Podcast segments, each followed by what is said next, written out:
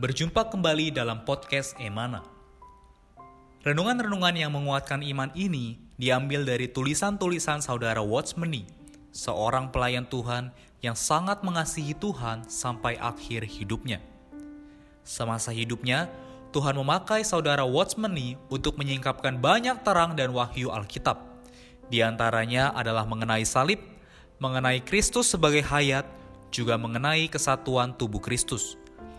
Kami berharap kehadiran podcast Renungan Emana, khususnya di masa pandemi virus hari ini, dapat menghibur dan menguatkan iman Anda.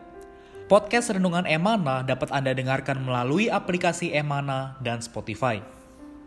Anda dapat menghubungi kami pada nomor hotline Emana di 0851 5677 2397.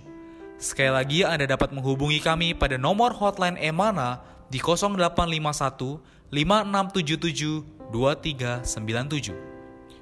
Buku-buku saudara Watchmeni secara lengkap dapat Anda peroleh di toko buku Yasmerin, Tokopedia, Google Playbook, atau di website resmi yasmerin.com. Selamat menikmati seri renungan hari ini. Syukur pada Tuhan, saudara-saudari yang terkasih, eh, kita kembali di dalam renungan podcast Emana.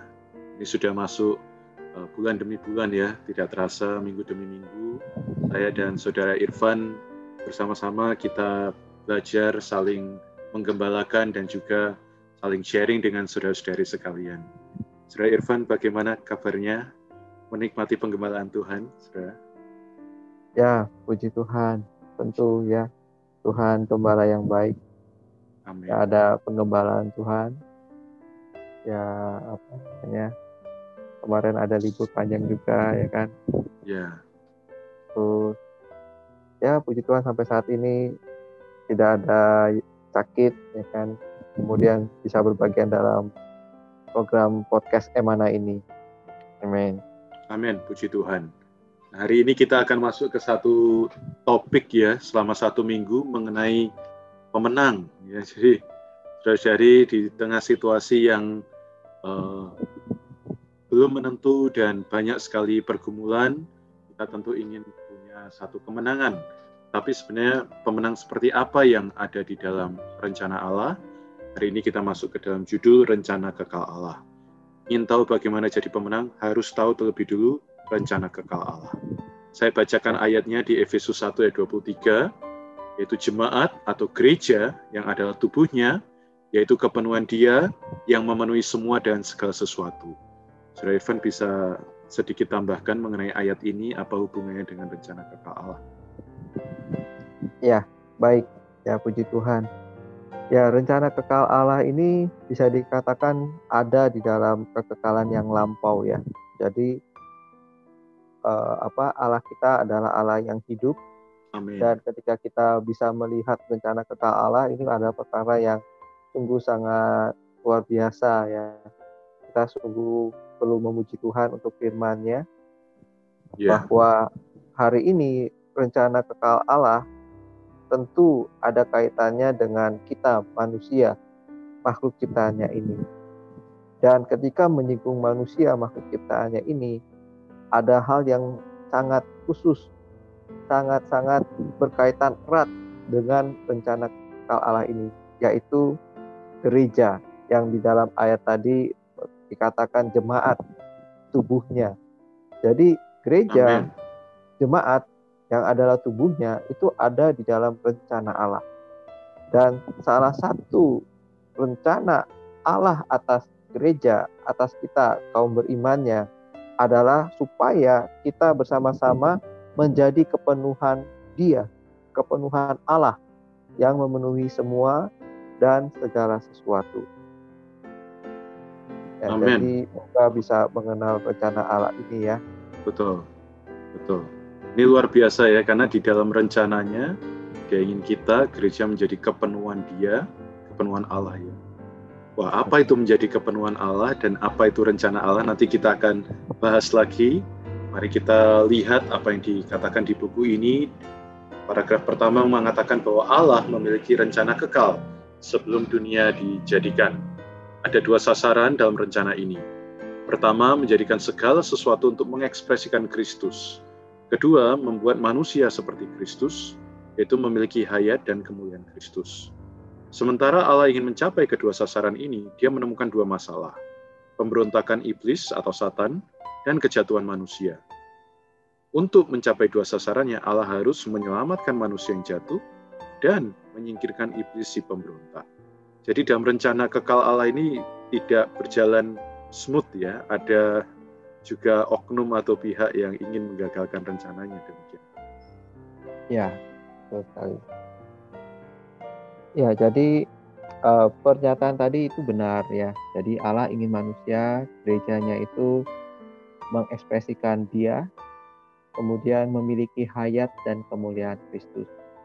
Nah, kita tahu melalui kitab Kejadian bahwa manusia yang diciptakan Allah ini jatuh ya. Dia dihasut oleh iblis atau satan itu uh, dan manusia yang seharusnya makan pohon kehidupan atau dalam bahasa aslinya pohon hayat ya pohon zoe ya, uh, hayat Allah.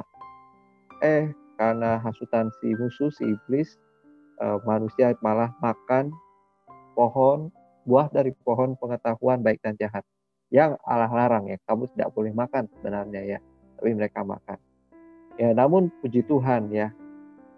Walaupun ketika kita melihat kejadian pasal 1 seolah-olah rencananya digagalkan oleh musuh.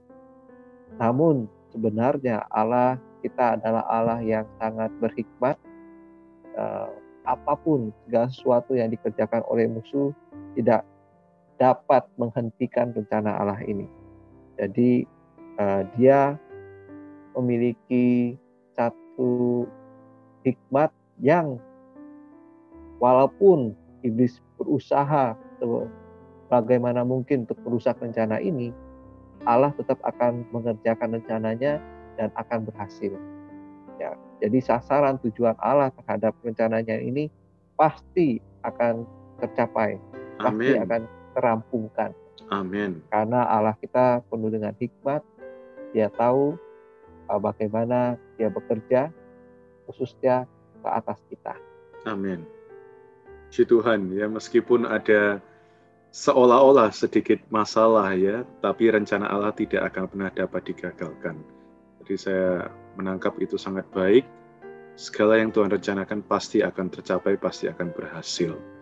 Nah, karena itu untuk mencapai dua sasaran Allah dan membereskan dua masalahnya, maka Tuhan Yesus menjadi manusia dan merampungkan penebusan. Saya rasa ini cukup jelas ya, saudari Anda tahu. Nah, di dalam penebusan ini ternyata ada tiga aspek. Satu adalah penggantian untuk individu, yang kedua perwakilan untuk gereja, dan ketiga adalah mengepalai untuk segala sesuatu. Penggantian untuk individu, perwakilan untuk gereja, mengepalai untuk segala sesuatu. Kristus sebagai kepala mencakup segala sesuatu. Ketika kepala mati, segala sesuatu juga tercakup dalam kematian kepala. Kematian Kristus adalah kematian yang al-muhid. Kristus menanggulangi segala sesuatu di kayu salib. Dia meremukan kepala ular dan menanggulangi iblis si pemberontak dan semua pekerjaannya di kayu salib. Dia menyelamatkan manusia yang jatuh di kayu salib. Wah ini cukup uh, tinggi pewahyuannya ya, Saudara Irfan ya. Ada ternyata kematian Tuhan, penebusan Tuhan itu nggak cuma sekedar menebus dari dosa ya. Ada aspek yang sangat dalam di sini. Mungkin bisa dijelaskan. Ya, benar sekali ya. Jadi mengenai penebusan memang banyak orang tahu ya, oh Yesus mati di kayu salib. Dan melalui dia disalibkan, kita manusia yang berdosa ini bisa memperoleh pengampunan atas dosa-dosa kita. Namun penebusan yang dilakukan Tuhan itu bukan hanya demikian ya. Jadi penebusan mengacu juga kepada kita dibeli kita bukan lagi menjadi milik kita lagi. Jadi kalau misalkan beli, wah ini saya tebus dengan uang sekian, ini yang menjadi milik saya. Jadi sebenarnya Allah menebus kita, diri kita ya. Diri kita ini bukan lagi milik kita, kita telah dibeli dengan darahnya yang mahal. Jadi artinya tadi penggantian, penggantian apa? Penggantian posisi. Dulu adalah milik si musuh, si iblis, sekarang milik Allah dulu ada di dalam kerajaan gelap, sekarang sudah pindah ke dalam kerajaan terang, kerajaan anaknya yang terkasih. Jadi uh, ini perkara per individu, setiap orang yang percaya pada Tuhan beroleh selamat, uh, menerima penebusannya, uh, kita sadar kita kini adalah miliknya. Kita bukan lagi milik iblis, bukan lagi milik dunia, kita benar-benar adalah milik Allah. Amin. Amin. Nah, setelah pergantian ini, uh, Alkitab juga sebenarnya mewahyukan ketika kita ditebus kita menjadi milik Allah. Allah menempatkan kita seperti tadi ya di dalam tubuhnya. Dia sang kepala, kita anggota-anggota tubuhnya.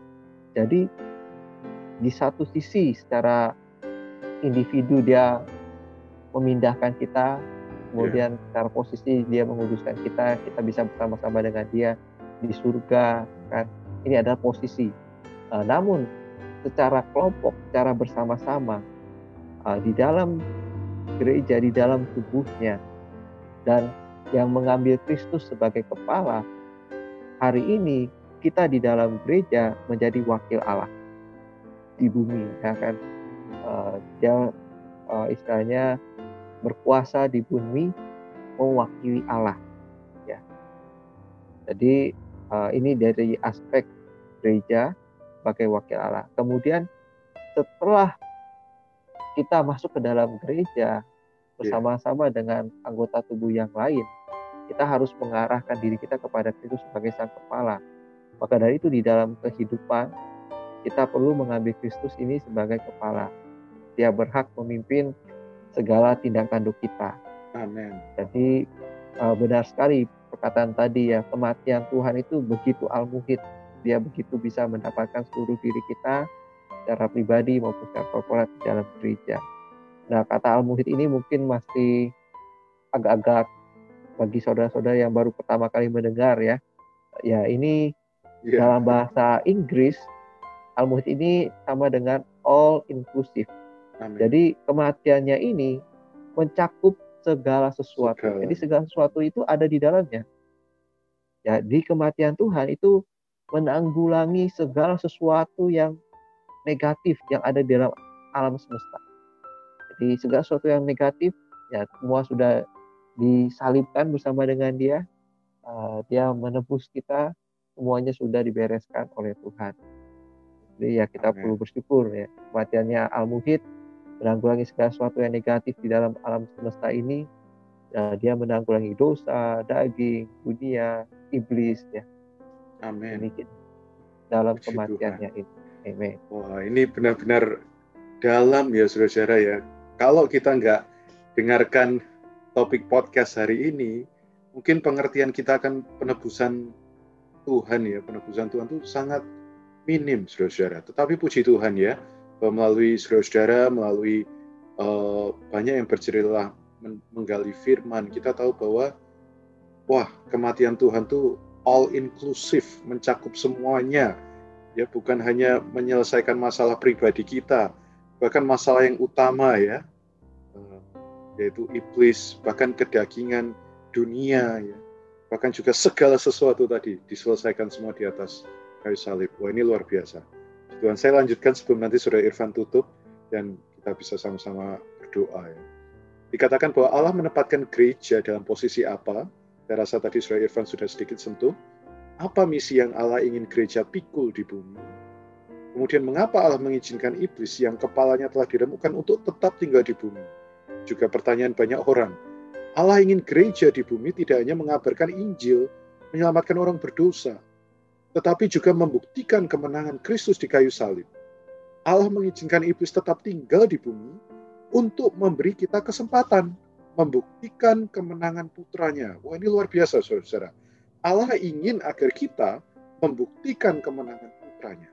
Kita adalah kelanjutan dari Kristus. Kita harus memperluas Kristus. Sama seperti kita adalah perluasan Adam.